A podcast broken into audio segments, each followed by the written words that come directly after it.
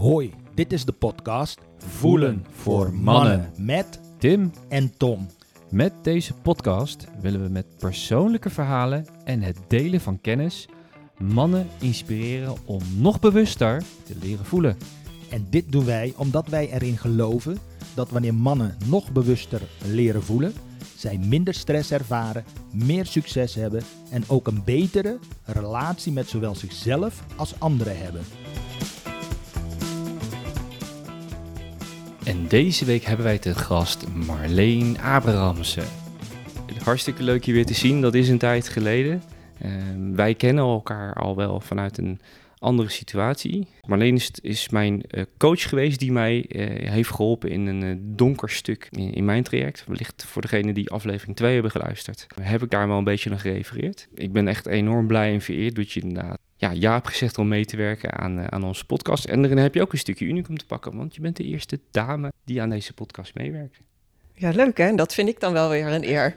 Voelen voor mannen en je hebt me uitgenodigd. Ja, ja. voor mij was het alleen maar logisch dat, voor de, dat jij als eerste dame eh, die, ja, die eer krijgt, zeg maar, om het Ja. zo te zeggen. ja, ja. Jij ziet dat ik het nu een beetje warm krijg. Ja. De luisteraar ziet dat Maar- niet. Nee, precies. Nou, ik zou je daarin helemaal helpen. Maar zullen we gewoon Ja. lekker rustig aan beginnen? En eh, eigenlijk, eh, zou je je kort voor willen stellen aan de luisteraars? Jazeker, ja, ja. Nou, mijn naam is Marleen en ik, eh, ik woon in Leiden, in het prachtige Leiden. Ehm, ik heb twee kinderen van bijna 18 en 20. En ik, ehm, ik werk met heel veel plezier ehm, als, eh, als coach. Eh, ik geef yogalessen, ik ben mindfulness trainer. Eh, en ik ben helemaal gefascineerd door ontwikkeling van mensen, persoonlijke ontwikkeling. En vooral het vinden van je eigen balans. Een persoonlijk thema en heel mooi om dat ook in mijn werk te kunnen meenemen. En daarnaast ben ik iemand die heel veel en graag buiten is. Coachwerk doe ik ook, dat weet jij Tim, doe ik ook veel buiten. Lekker in de natuur. Dus ik hou van eh, lekker wandelen, hardlopen. En daarnaast eh, dans ik ook graag, uh, lettendans. Ah, leuk. Ja, ja, en ik hou naast beweging hou ik ook erg van verstinning. Dus ik mediteer veel en ik doe zelf ook graag yoga. Dat klinkt als een, eh, als een druk programma. Nou, zo voel ik het niet. Ja, dat is een goed teken. Ja, precies. Als ik het zo ga voelen, dan moet er iets veranderen. nee, ik vind juist allemaal dingen die... Voor mij is het, past het heel logisch bij elkaar. Het is één geheel, de dingen die ik doe. Ja. En kan je, daar, kan je ons daarin meenemen? Wat maakt het voor jou dat dat zo als één geheel voelt? Ja, Eigenlijk de afwisseling tussen eh, wat ik net zei van ik hou van verstinning en ik hou van beweging. Dus de activiteiten, ik coach binnen en ik begeleid mensen binnen, maar ook buiten. We hebben deze podcast genoemd Voelen voor Mannen natuurlijk. Hmm. Eh, en zoals die titel zegt, Voelen voor Mannen. En dan zit jij eh, als dame hier. Wat natuurlijk Ja. voor mij heel logisch is, maar hè, voor de mensen misschien eh, nog niet zo heel erg logisch is. Wat heb jij als professional met het thema voelen? Ik heb heel lang gewerkt in beleid en projecten in het sociale vlak, omdat ik mezelf heel betrokken voel bij de maatschappij en een bijdrage wil leveren. En ik merkte dat tijdens dat werk ik heel erg in mijn hoofd zat. En die betrokkenheid, daar kon ik eigenlijk op dat moment kon ik dat niet zo kwijt. Ik zat heel veel in mijn hoofd achter laptop, projecten aansturen, stukken schrijven. En ik ben zelf ook een heel voelend mens. Dus ik Mhm. was uit balans, want ik gebruikte veel te veel mijn hoofd. Terwijl de kracht ook zit in mijn gevoel en het gebruik van mijn intuïtie. Daar ben ik op een gegeven moment op vastgelopen, want dat werkte niet meer. Oké. Eh, toen ben ik uitgevallen. En toen had ik wat je zou kunnen noemen een herbezinningsperiode. En dan komt ook de vraag van, nee, maar als dit niet past, wat past dan wel? En wat past echt bij mij in plaats van wat anderen verwachten of wat ik denk wat anderen over maatschappij verwachten? Toen ontdekte ik dat ik heel graag eh, mensen verder wil helpen in hun eigen ontwikkeling. Ik kwam zelf in een ontwikkelingsproces waarin ik veel meer ging voelen. Ik kreeg begeleiding, kreeg coaching. Ik dacht, zo, dat hadden ze eerder mogen vertellen dat coaching bestaat. Want dat sloeg echt in als een bom. Want het was ze wel voelen als wat ga je ermee doen? En toepassen in de praktijk en ervaren. Dus zo ging ik leren en ervaren van wat vertelt mijn gevoel me nu eigenlijk? Ja. En wat wil ik wel, wat wil ik niet, wat is belangrijk? En ik ging signalen oppakken van mezelf. Het was nieuw en het was niet een makkelijk proces, maar wel heel leerzaam. En tegelijkertijd ben ik toen ook een mindfulness training voor het eerst zelf gaan volgen. En toen dacht ik, nou zeg, er zit wat onder dat hoofd gewoon. dat is mijn lijf. Dat vertelt ook van alles. Ik had wel wat yoga-ervaring. Nou, dat kwam daarmee samen. Het verlangen ook om meer yoga te doen. En zo was het eigenlijk een proces van mezelf ook toestemming te geven voor mijn gevoel van maatschappelijke conventies van je moet vooral presteren. En het is eigenlijk misschien, zou je kunnen zeggen, een beetje de mannelijke energie ook van presteren, knallen, doorzetten, uh, bewijzen. Van die energie en vooral cognitieve energie. Naar waar ligt mijn, eigenlijk mijn kracht? Nou, um, ik heb een gezond verstand, maar mijn kracht ligt niet op cognitief vlak. Die ligt meer op interactie en voelen, het sociale. En dat mogen van mezelf, zo mogen zijn, dat heeft me ruimte gegeven om veel meer te gaan voelen. En dat ook, ja, als ik dat is wat eigenlijk mijn kracht is, waarom zou ik het niet in mijn werk toepassen? In mijn werk gebruiken. En toen heb ik een, een hele switch gemaakt. En ben ik uh, opgeleid tot trainer en coach. Uh, ben ik zelf mindfulness trainer geworden, yoga docent in een paar jaar tijd. Ja, dat was een enorme ontwikkeling. Was, uh, ik had twee heel jonge kinderen toen nog, dus het was intensief. Maar ik dacht ook, ja, ik deed ook voor hen. Het is zo belangrijk om te voelen wie je bent en te mogen zijn wie je bent. Dat, dat mijn kinderen dit als voorbeeld mogen meekrijgen. Ja. hoe dichter ik bij mezelf ben, hoe echter ik ben, hoe meer ik ze ook. Ik kan ze wel vertellen, maar kinderen leren het vooral door, doordat ze een voorbeeld om zich heen zien. En dat voorbeeld wilde ik zijn. Dat klinkt dan heel groot, maar dat was, laat me zeggen, voelde ik het heel diep in mijn hart. Van ik doe het ook voor hen. En vervolgens het doorgeven aan de mensen met wie ik ging werken. Dus eigenlijk is dit het voelen, als je vraagt naar voelen in mijn werk, komt dat nou heel erg naar voelen in, in mijn ontwikkeling. Eigenlijk het proces van ontwikkeling als uh, ja, professioneel vlak. En daarin steeds weer mezelf mogen zijn. Dat is een hele mooie, mooie reis die je nu hebt gemaakt. Dat is een reis en dat klinkt als een reis van... Hey, maar eindigt dat toen ergens na al die cursussen en omscholing? En nee, hm. Want ik ben me alleen maar verder op dat vlak gaan verdiepen. En zo uiteindelijk ook vooral terechtgekomen bij uh, stress en burn-out. Daar heb ik me heel mhm. fascinerend thema, ook omdat ik het zelf had meegemaakt. Ja. De periode dat ik was uitgevallen, zat ik inderdaad met een burn-out uh, thuis. Dus vanuit mijn eigen ervaring, de drive om iets bij te dragen, iets te betekenen voor anderen, maar ook fascinatie gewoon voor dat hele verschijnsel, ben ik me daar veel meer in gaan verdiepen. Kijk, ik vind je kan je niet met, met, met stress en burn-out bezighouden als je het niet hebt over voelen. Ja, ja herkenbaar natuurlijk. Ja. Uh, voor ieder is dat een, is dat een, een andere, andere uiting uh, qua gevoel. Mm wat voor de een werkt als voor gevoel wil niet automatisch niet zeggen dat dat voor de ander ook zo is natuurlijk. Ja. De stap naar vandaag, hoe, hoe, hoe pas jij zeg maar al het geleerde van jouzelf toe in het werk nu, wat je op de vandaag de dag te doen? Ja, dat is eigenlijk op verschillende lagen. Ik bedoel, het is natuurlijk zoals ik als professional ben getraind. Mm hè, dus dat is mijn eigen werk, alle opleidingen en cursussen, et cetera.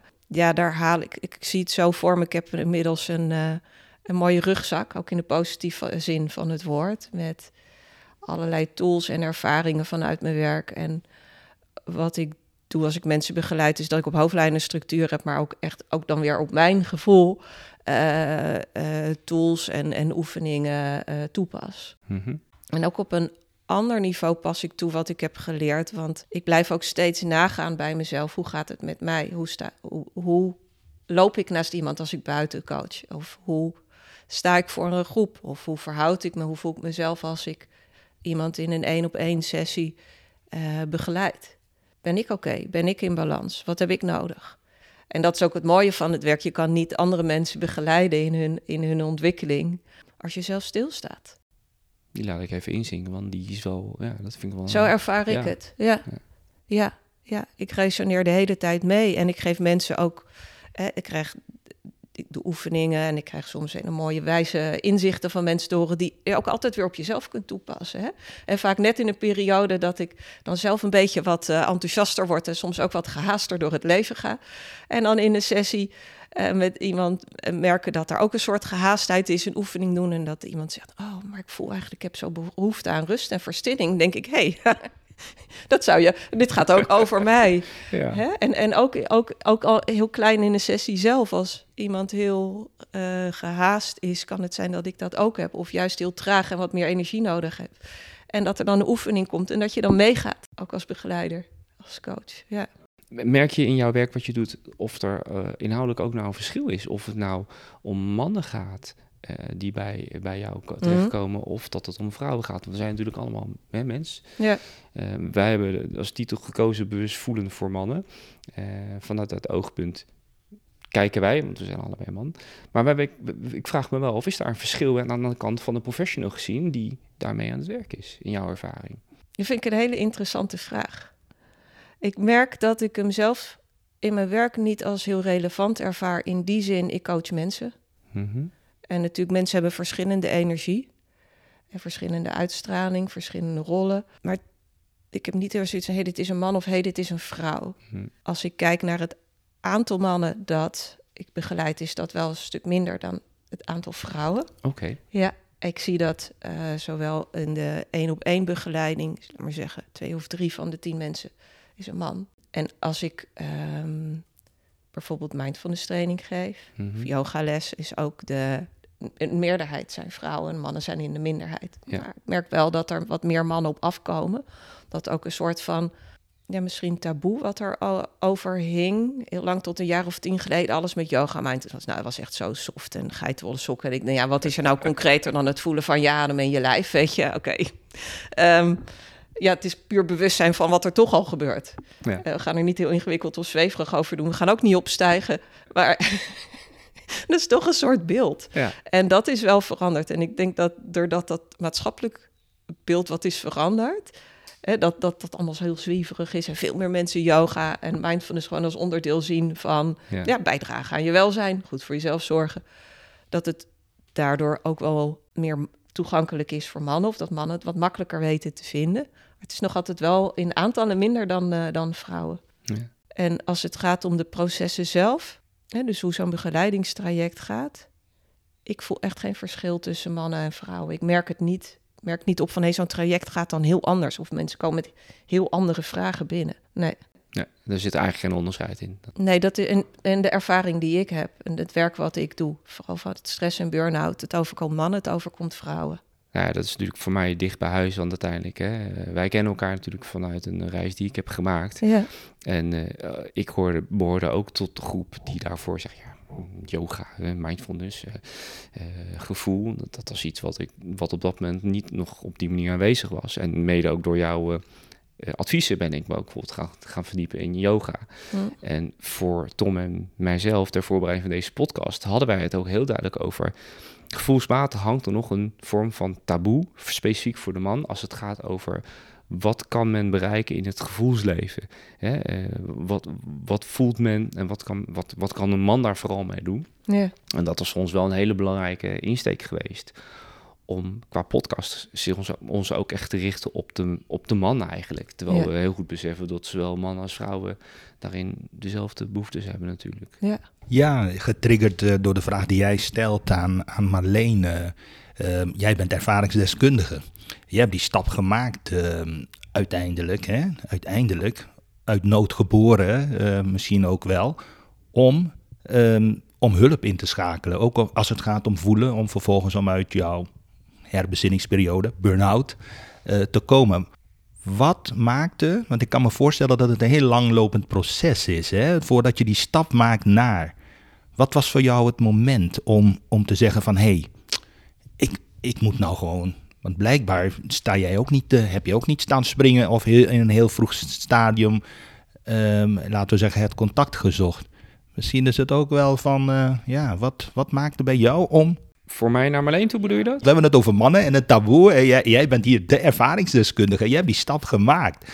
Oh, eh, Wat was het? Nou ja, kijk, het, het mooie is, Marleen zelf is ook ervaringsdeskundige. Dat is heel duidelijk in wat zeg maar. Specifiek voor mij komt het neer op, op het simpele feit dat de pijn zo groot en de nood zo hoog was, dat het niet meer anders kon. Het was voor mij echt een must op dat moment om hulp te zoeken, zeg maar. Eh, en voor mij heel belangrijk om volledig controle te hebben over eh, welke hulp dat eh, was toen. En eh, in, wie die hulp me bood. En dat je weet natuurlijk niet van tevoren wie, wie je gaat helpen of wie je gaat begeleiden. En voor mij was de allereerste, het eerste contact en de connectie was voor mij wel bepalend qua gevoel om te zeggen: oké, eh, ik heb hier goed vertrouwen in. We hadden meteen een hele goede klik, kan ik me herinneren, omdat we eh, een bepaalde achtergronden eh, gemeenschappelijk hadden. Dus we kwamen allebei uit, uit het mooie dorpje Den Haag erin. Mm. Eh, lekker direct, eh, no nonsense. En dat was voor mij, nou oké, prima, weet je. Ik, ik, ik moet, want het is nodig. En dan heb ik een goed, goed gevoel bij deze mevrouw, zeg maar. Uh, dus laten we dat op die manier doen. Als het gevoel het tegenovergestelde was geweest, dat ik geen connectie of geen chemie had met Marleen op dat moment, dan had ik, dat, had ik daar geen andere keuze in gemaakt. Maar de nood, wat je zegt, is de nood was zo hoog. Ja, de pijn en de nood is zo hoog. Was, er was eigenlijk gewoon geen andere weg dan, dan hulp te, te, te, te, gaan zoeken. Dat brengt, brengt mij bij de vraag, uh, Marleen, van herken je daarin een verschil tussen mannen en vrouwen als het gaat om de mate van waarin ze, laten we zeggen, de nood aanwezig is? Zie je bij mannen misschien dat ze echt uh, ja, dit is een hypothese van mij. Hè? Zo mhm. van, als, de nood, als het echt niet anders kan, dan ga ik hulp zoeken. Uh, en wellicht dat het bij vrouwen, die, die, die indruk heb ik, dat vrouwen misschien nog voordat de nood zo hoog is, misschien sneller die stap maken om hulp te zoeken. Wat, wat is jouw ervaring daarin? Ja, aan de ene kant kan ik me heel goed voorstellen wat je zegt. Dat vrouwen dat wat eerder doen. En misschien ook uh, die verbinding zoeken met iemand anders om eruit te komen. Uh, van hè, zullen we het misschien met iemand samen doen? Enerzijds is dat zo. Anderzijds zie ik ook veel mensen die echt al heel hoog in hun stress zitten. En op het moment dat je al heel lang stress hebt, chronische stress hebt, dan schiet je vaak heel erg in je oude overlevingspatronen. Je stresssysteem is ontregeld, je staat de hele tijd aan, je bent gericht op overleven. Je hoort het dan de manier waarop ik het zeg. Op deze manier sta je op een gegeven moment in het leven, want je moet gewoon door en je moet volhouden. Want anders val je om. En dat is wat de fysiologie van stress met ons doet. Je hebt uh, versnelde hartslag, ademhaling. Uh, je hebt wat meer spierspanning in je lijf. Je bent gewoon klaar om te vechten, te vluchten. En alles staat op doorzetten. En heel veel mensen die naar mij toe komen, uh, of het nou mannen of vrouwen zijn, die zitten heel erg vast in dat. Ja, ja, maar ik moet door. Ik moet overleven. Ik kan niet stoppen. Ik ben een doorzetter. ook heel erg ik ben. Niet dit is wat ik doe, maar dat identificeren. Ja, ik, ik, ik mag niet stoppen er zijn best wel veel vrouwen ook die zo hoog in hun stress zitten dat ze ook heel erg vastzitten. Dus dat de nood eigenlijk al heel erg hoog is. Dat ze al heel lang hebben doorgelopen op dat, met dat overlevingssysteem. Waardoor ze echt heel erg uitgeput zijn. Zowel de mannen als de vrouwen eigenlijk op punt van omvallen staan, maar met hun laatste krachten zichzelf nog overeind houden. En veel mensen die ik zie, zie die hebben dit heel lang volgehouden totdat die laatste krachten ook op waren. En dan word je gestopt. Dan heb je geen keus meer. Hè? Als je het hebt dan echt over, als je het burn-out wil noemen, het laatste stadium van overbelasting, ben je zelf eigenlijk niet meer in staat om te kiezen van, uh, nou, huppatee, nog even kiezen uh, op elkaar, nog even deze week knallen en dan komt het wel goed en neem ik... Nee, dan word je gestopt. En die mensen zie ik ook vaak. En dat gebeurt zowel mannen als vrouwen. Dus om terug te komen op jouw hele mooie vraag denk dat inderdaad vrouwen wel eerder geneigd zijn en vaak ook een breder netwerk hebben en daar ook wat steun en hulp in te zoeken. Op het moment dat je al heel lang doorloopt, en het, dus, dus dat stresssysteem al zo een paar keer is gekanteld, dat dat echt je hele lijf, je hele, je hele lijf overneemt, je hele denken overneemt. Ja, dan, uh, dan denk ik dat het bij mannen en vrouwen hetzelfde werkt uiteindelijk. Ja. ja. Je vertelde net heel mooi eh, hoe, hoe een hoe een lichaam en hoe, hoe een mens eigenlijk, hoe een persoon reageert op langdurig blootstaan aan stress en wat het kan doen. Zijn er, uh, voor de luisteraars die, die het herkennen, wellicht bij jezelf, is, is er voor jou vanuit de professionele kant uh, een stukje advies waar je als eerste instantie mensen aanraadt om naar te kijken als het gaat om een stukje herstel of een stukje hulpvraag of uh, waar begint waar begin je mee als, als je iemand tegenkomt die in zo'n situatie zit vanuit jouw kant gezien? Erkennen. Hoe is het nu met je? Nou, nee, dat gaat wel. Nee, ja, het is wel een beetje. De, hoe is het echt met je?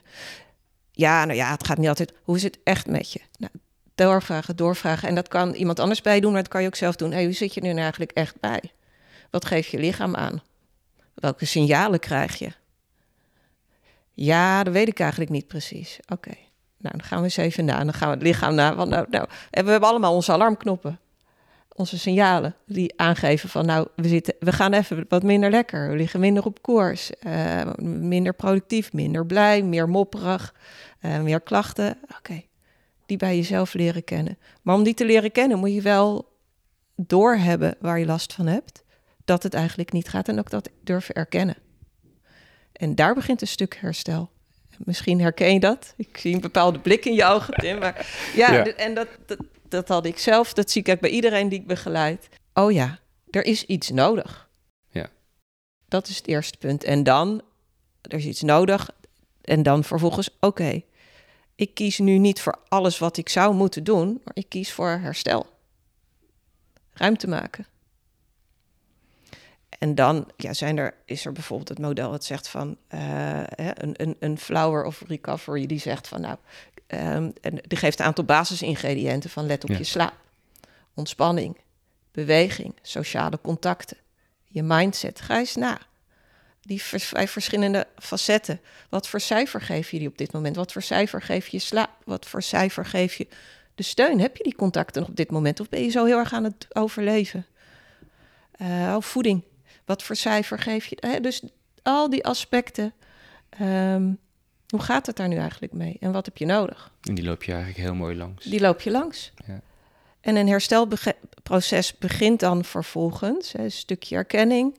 Kijken we wat is er nu precies aan de hand? Welke vlakken uh, kunnen we wat meer aandacht gebruiken? En dan, of waar loopt het ook? Uh, dat, dat klinkt misschien een beetje voorzichtig, want het, het, is ook erkenning is ook, nou waar gaat het eigenlijk gewoon echt niet goed aan? Ja. En dan vervolgens uh, ruimte maken voor een stukje ontspanning. Nou, en dat is moeilijk. Als je heel erg aanstaat en denkt, ja, maar ik wil, ik wil heel graag beter worden.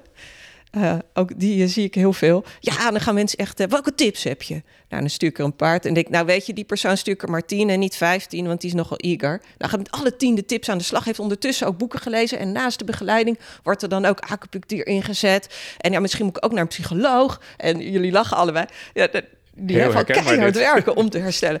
Dat is hartstikke mooi als je dat inzet. Maar als je bent uitgeput, is het niet helemaal het juiste moment. Ja. Uh, dus dat is eigenlijk een heel een advies wat heel erg vol tegen.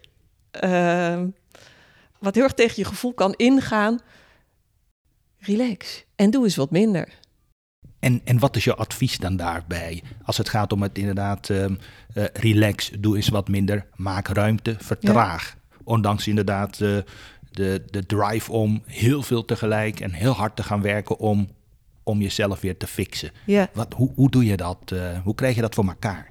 Dat krijg je voor elkaar door A, de beslissing te nemen. Ik ga echt die ruimte maken, want het gaat niet goed. En um, ik wil minder stress.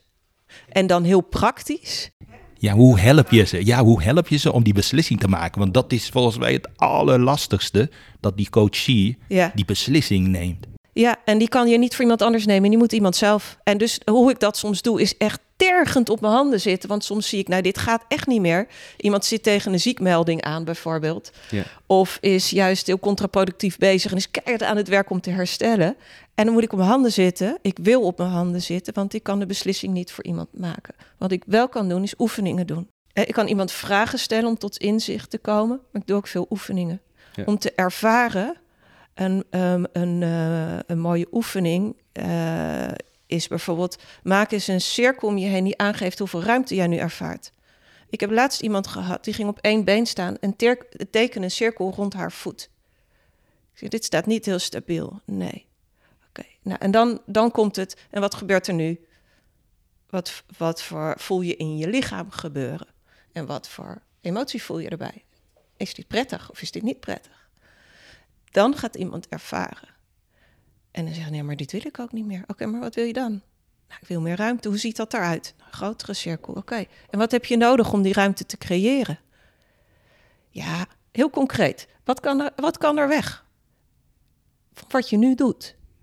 Wat hoeft misschien niet meer? Wat zou opluchting geven? Dan gaan we er heel concreet naar kijken. En dat kan zijn dat iemand de taken thuis meer gaat verdelen. Dat hij op werk gaat praten over de werkbelasting of eventueel tijdelijk in uren terug. Uh, hè, dus dan kan je tot een heleboel, uh, een hobby misschien eventjes wat minder, uh, wat meer hulp vragen. Zo, zo, kan je tot een heleboel ja. praktische manieren komen om, om de belast, belasting op dat moment te verminderen en de belastbaarheid weer wat te vergroten. Maar die keuze zelf is altijd aan de coachie zelf. Ja. Ik kan me voorstellen dat op je handen zitten dan soms heel lastig kan zijn. Maar het hoort wel bij het ja, bij, bij, bij het traject. Bij de, uh... Ja, maar ik geloof er wel in, want op het moment dat iemand zelf een keus maakt, is die overtuigd. En anders, ja, de coach zei dat ik. En dat dan, dan gaat iemand niet anders over zichzelf denken en uiteindelijk ook niet op lange termijn het gedrag veranderen. Want je gedrag, verandert je gedrag pas op het moment dat je het zelf wil. is mijn overtuiging. Als je zelf gemotiveerd bent. Dus als iemand zo'n keus maakt, is super krachtig. En dan zie ik vaak ook een hele grote omslag. En dat is nog niet makkelijk. Want dan moet je gaan verdragen dat je een stapje, wat jij zo mooi zei, dat je gaat vertragen. En wat minder gaat doen. Oké, het gaat niet meer, dus ik neem een stapje terug. Maar dan is het echt verdragen, omdat je vaak nog wel onrustig bent. Want je kan zeggen, nou, ik doe, ik doe even wat minder en ik pak wat meer mijn rustmomenten. Nou ja, de eerste weken zijn die rustmomenten helemaal niet chill hoor. Want je hoofd wil van alles. En het duurt vaak een tijdje, zeker als mensen al echt langer over belast zijn geweest, voordat het hele systeem tot rust komt. Dus dus ook een beetje lange adem hebben. En dat is wat ik als coach ook doe. Dat ik zeg, oké, ik snap heel goed. Uh, je bent nu bijvoorbeeld halve dagen gaan werken. Smiddags neem je nu rust. En je gaat af en toe even lekker zitten met een kopje thee naar buiten kijken of een wandelingetje maken. Je voelt je niet rustig. En dan uh, geef ik een beetje uitleg over hoe dat stresssysteem werkt. Dat het tijd nodig heeft voordat die stresshormonen wat gaan zakken. En dat het ook wel komt. Dus dat doe ik dan wel een beetje. Ja, in die zin iemand een beetje in dat proces ook steunen. Ja, het is ook een proces dat niet 1, 2, 3 snel voorbij is. Als iemand uh, al zo lang bloot staat gesteld. Ja. Exact. En het is ook een proces, weet je. Um, ik zeg vaak, en, maar ook de mensen, de coaches die bij mij komen, had ik maar mijn been gebroken. Nou, dan hebben A, iedereen kan het zien, er is iets mis. En B, we hebben een duidelijk recept. als het ongecompliceerde week is, uh, breuk is, week of zes en hoppatee. Herstel van overbelasting is een proces waar je wel invloed op hebt, maar geen controle over hebt. En vaak zijn de mensen die bij mij komen wel mensen die graag controle hebben. Geen commentaar. Ja. in alle ervaringen die je hebt hè, en, en, mm. alles wat je hebt gedaan qua coaching, begeleiding, ehm, heb jij voor jezelf uh, bepaalde methodes die, uh, die jou toepast? Of waar je zegt, joh, daar, daar zie ik eh, goed resultaat bij. Of dat zijn toch een van de dingen die ik wel heel fijn vind om te gebruiken als het gaat om, om andere mensen te helpen? Ja, eigenlijk wat ik net zei, een combinatie van uh, zo'n stukje cognitieve insteek. Dus hoe denk je nu eigenlijk? En kloppen je gedachten? Hoe, hoe communiceer je met jezelf? Uh, combinatie met een stukje ervaringsoefening. Dat is bijvoorbeeld die cirkel die ik vertelde. Maar ik doe vaak ook een oefening dat je naar elkaar toe loopt en dan ervaart van hé, hey, waar is mijn grens? Wanneer vind ik het eigenlijk nog prettig of niet? Dus een stukje, uh, want je lichaam liegt niet. En die vertelt op een gegeven moment voel je, hey, ik vind het niet meer relaxed, weet je. Die, die ander komt te dichtbij. Ja. Daarnaar gaan luisteren. Um, ja, een beetje afhankelijk ook van in hoeverre mensen er bekend mee zijn en ook open voor staan. Ook fysieke oefeningen om te ontspannen, ademoefeningen. Uh, kan natuurlijk mijn, mijn, kennis en expertise van yoga en mindfulness ook toepassen. Om vooral ook wat meer in het lichaam te komen. de verbinding van het denken met het lichaam staat wel centraal in wat ik doe. Ja, wat ik zei, die, die rugzak, daar pas ik van alles uit toe. Mhm. Als het maar bijdraagt aan die verbinding tussen je hoofd en dat wat eronder zit, de rest van je lijf. Wat voor mij, ik weet niet of het een methode is, maar wel een invalshoek waar ik niet zonder zou kunnen en willen werken, is die van uh, compassie.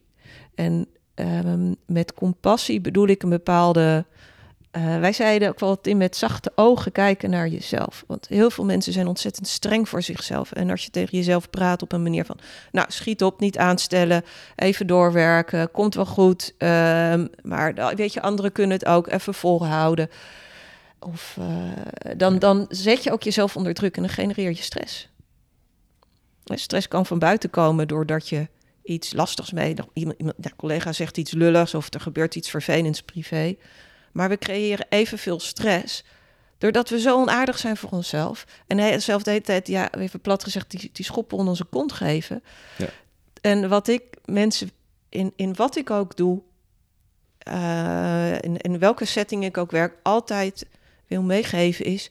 probeer eens hoe het is als je jezelf niet die schop geeft... maar een arm om je schouder legt. Het is niet soft. Want je gaat niet met jezelf zitten meehuilen. Uh, hè, maar je kan wel met jezelf meeleven. En je kan jezelf positief stimuleren. Omdat je jezelf iets gunt in plaats van dat je moet. Ja. En uh, dat maakt het leven vaak veel leuker en prettiger. Is ook mijn persoonlijke ervaring. Um, maar het werkt ook heel, um, heel fysiologisch. Weet je, op het moment dat je wat vriendelijker en relaxter tegen jezelf praat. Want we kletsen de hele dag tegen onszelf. Die radio staat de hele tijd aan. Maar als dat relaxter gaat, maak je meer uh, bijvoorbeeld oxytocine aan. Eh, het feel-good hormoon. Ah ja. En op het moment dat je jezelf om de oren slaat, adrenaline. En als je dat heel lang doet, noradrenaline, cortisol, Ja. stresshormonen. Ja. Ehm, hè, dus het heeft een heel mooi fysiologisch, maar ik vind vooral eh, het leven wordt gewoon, weet je, je, bent je, je leven lang ben je met jezelf. Hè? Degene met wie het langst doorbrengt uiteindelijk. En dat is echt wel een, eh, jij vraagt naar methode, maar een rode draad in. Zorg dat je het goed hebt met die persoon. Dan is je leven veel leuker. Maak er wat moois van samen met jezelf. ja. In goede tijden en in slechte tijden. Wees er dan ook voor jezelf. Ja. Hey, hoe, hoe doe jij dat voor jezelf? Ehm, dus die compassie eh, ehm, ontwikkelen, Ja. ehm, bijschaven. In ieder geval goed voor jezelf eh, zijn. Hoe doe jij dat als coach? Doordat ik ruimte maak ehm, voor dingen die ik prettig vind. Dus voor mij is dat yoga en meditatieoefeningen. Ehm, een stukje bezinning of verstilling. Dat zijn momenten, ook om even in te checken. Hey, hoe is het nu met Marleen? Hoe is het nu met mij? En doe je dat dagelijks Ja, ja, eh, ja. of wekelijks? Nee, elke ochtend heb ik een eh, een meditatie, eh, ja, ritueel. Of een ritueel, maar een vast moment. Laat maar zeggen, in die zin een ritueel. En doe ik eh, wat yoga-oefeningen. Gedurende de dag doe ik een aantal oefeningen om te stoppen en even in te checken bij mezelf hoe het is. Althans, dat is mijn intentie. Ik moet zeggen, ik heb hele drukke werkdagen en dan denk ik s'avonds, oh shit, vergeten. En ik, oké, heb ik ook mijn neiging om streng te zijn. En dan, en dan komt de beoefening dat ik mezelf niet om de oren sla, want ik ben het vergeten. Maar ik denk, oké, ik herinner het mezelf in elk geval nu. Dan ga ik nu even zitten, morgen weer een dag. Met compassie. Eh, met compassie. Ja, en die strenge stem ken ik maar al te goed. En als ik hem hoor, dan denk ik, oh, hé, maar dat is niet nodig. Dus zo mezelf aan herinneren. Ik heb ook wat affirmaties die ik regelmatig eh, herhaal, ook dagelijks. Om mezelf eraan te herinneren dat ik ook zacht mag zijn voor mezelf, want dan ben ik krachtiger. En misschien een hele persoonlijke vraag. Ja? Zal je met de luisteraars één favoriete affirmatie eh, willen delen? Ah, een van de, ja, dat is wel een persoonlijke, Ehm, maar die vind ik wel mooi om te delen, is dat ik mezelf elke dag herinner dat ik vooral verantwoordelijk ben voor mezelf en mijn eigen behoeften. Dat ik daarvoor mag zorgen en dat ik niet verantwoordelijk ben voor die van anderen. Dat, andere, dat betekent dat andere mensen heel goed voor zichzelf kunnen zorgen. En daar herinner ik me aan. En daarmee help ik mezelf, want ik ben, enorm, ik ben enorm geneigd tot redden en zorgen. Dus dat op mijn handen zit is een enorme uitdaging. Daarom vind ik dit vak zo mooi, dat ik iets kan bijdragen. Maar ik heb echt de neiging om door te schieten. Als in, ik wil dan andere mensen echt gaan helpen en redden. Moet ik niet doen, want ze kunnen het zelf. Weet je, en daarmee respecteer ik ook de ander. Dus ook voor coachsessies herinner ik mezelf van... eh, deze mensen kunnen het zelf. Want ik werk niet met zwart psychiatrische patiënten. Dan zou het net die verantwoordelijkheid anders liggen. Maar de mensen die ik begeleid, ook al zijn ze er nog zo slecht aan toe, zijn in wezen in staat om voor zichzelf te zorgen. Dankjewel. Ja. En als je die vertaalt naar je professionele vlak, zeg maar, je, Ja. je persoonlijke informatie, heb jij een specifieke missie in het gevoel zitten, waar, eh, wat voor jou, eh, wat, wat voor jou ja, als jouw missie voelt, zeg maar, als professional? ja, zeker. Mijn missie is om een bijdrage te leveren aan een iets mooiere wereld waarin we wat zachter zijn naar elkaar en naar onszelf. Door mensen te leren hoe ze goed met zichzelf kunnen omgaan en goed voor zichzelf te kunnen zijn. Want op het moment dat je oké bent, dat je voor je eigen behoeften zorgt, dat je oké bent met jezelf, dat je jezelf een soort van in balans kan houden, misschien zelfs een soort van vriendschap sluiten met jezelf, heb je het ook niet zo nodig voor de anderen. Want je ziet vaak met mensen die niet oké zijn met zichzelf, dat die afreageren op andere mensen. En dat kan onaardig gedrag zijn tot en met eh, grote problemen die we kennen als agressie en geweld in de samenleving. En die komen vaak voort uit dat mensen niet oké zijn met zichzelf of dat ze heel, heel, heel vervelende dingen hebben meegemaakt, echt beschadigd zijn, maar niet hebben kunnen helen. En op het moment dat je daar wel zorg voor draagt of helpt bij anderen daar, daarvoor te zorgen dat, eh, ja, dat je de lastige, pijnlijke stukken in jezelf kan verzorgen. En bij de een is dat dat je het echt kan opruimen. Als iemand echt zwaar getraumatiseerd is, is het meer hoe kan ik daarvoor zorgen? Dan draag je daarbij ook bij aan een eh, wat, wat mooiere wereld. Hoe ziet jouw vervolgreis eh, op, daaruit op, op, op, dat vlak, op, Yves, op je werkgebied? Nou, daar ben ik heel benieuwd naar. Ja. Ik heb uh, nou nog niet zo heel lang geleden, twee jaar geleden, ehm, heb ik naast dit werk ook nog een baan als bedrijfsmaatschappelijk werker uh, aangenomen. Uh, dus dit is eigenlijk alweer een andere. Um, het sluit, het is, eigenlijk ben ik interne coach. Dus wat ik doe is dan binnen een organisatie, maar ik maak de verbinding ook naar de organisatie. Ik help zowel de medewerkers als de organisatie. En ik merk dat ik dat, dat, ik dat wel heel interessant vind. En daar, omdat ik daarmee ook zowel de medewerker een stapje verder kan helpen, als ook natuurlijk advies geven aan een organisatie en een organisatie helpen om uh, nou, op het gebied van veerkracht en duurzame inzetbaarheid een, uh, een mooie ontwikkeling te maken. En dat, dat zijn enerzijds voelt het misschien als druppeltjes. Aan de andere kant is dat wel een mooie bij. Wel het idee dat ik iets kan bijdragen aan, uh, aan een organisatie die um, ja, ook zorgt voor, voor gezondere medewerkers. Ja. En daarmee ook voor, voor een gezondere organisatie. Daar, daar ben ik nog niet klaar mee. Dat merk ik wel. Ik vind het coachen aan zich vind ik heel mooi. Dus dat is puur, dan ben je puur bezig. Sta je puur aan de kant van de, van de gecoachte. En, en nu uh, ook de organisatie erbij betrekken en betrekken worden. Denk ik, oh ja, dan heb je wel weer een andere uh, span of control. Ook wel andere beïnvloedingsmogelijkheden. Ja, ja. Dus misschien dat uh, die druppels nog wat groter laten worden. Van invloed in een organisatie of meerdere organisaties. En dan zijn dat voor mij wel organisaties waar ik achter sta. Um, dus die bijdragen aan een doel waar ik me in kan vinden. Ja. Dat is dan wel mijn missie. Ja. Hangt wel ook mooi samen aan de persoonlijke missie. Hè? Toch zorgen dat je mensen kan ondersteunen en op die manier ook bijdragen voor aan, aan een mooiere wereld misschien. Ja. ja, het klinkt groot, maar het, het, het voelt wel heel oprecht. Omdat iedereen die een steentje bijdraagt, elk steentje is er één. Ja. Dus hoe meer mensen dat doen, al die kleine steentjes, hoe meer positieve invloed je kan uitoefenen. En als er nog een boodschap zou zijn die je op dit moment zou willen delen met, uh, met, met mannen vooral hè, mm. in, in deze podcast op, het, uh, op dit stuk, wat zou je dan willen delen met ze? Wees eerlijk naar jezelf. Hoe gaat het nu eigenlijk echt met je? Stel jezelf regelmatig die vraag. Kijk daarbij naar jezelf en niet naar maatschappelijke normen of hoe je zou moeten zijn, of je zou moeten voelen. En ja, zeker ook als man, als je het idee hebt van, nou, maar dat is vaak toch wel meer het beeld van, uh, maakt aan het begin van, uh, voordat we de podcast starten al grapjes over. Hè? Uh, en dat gaat dan meteen weer over stoer en sterk en zware stemmen. En er zijn natuurlijk een heleboel soort van genderconcepten rond hè, hoe je als man wellicht zou moeten tussen haakjes zijn. En voelen komt daarbij niet als eerste naar boven. Um, terwijl voelen, ja, nogmaals, ik vind er niks uh, zweverigs aan. Het is heel concreet. We hebben een lichaam en dat geeft signalen af. We hebben, uh, we hebben stemming, we hebben emoties. En um, we hebben ook een bepaalde energie, gevoelstoon in en om ons lichaam.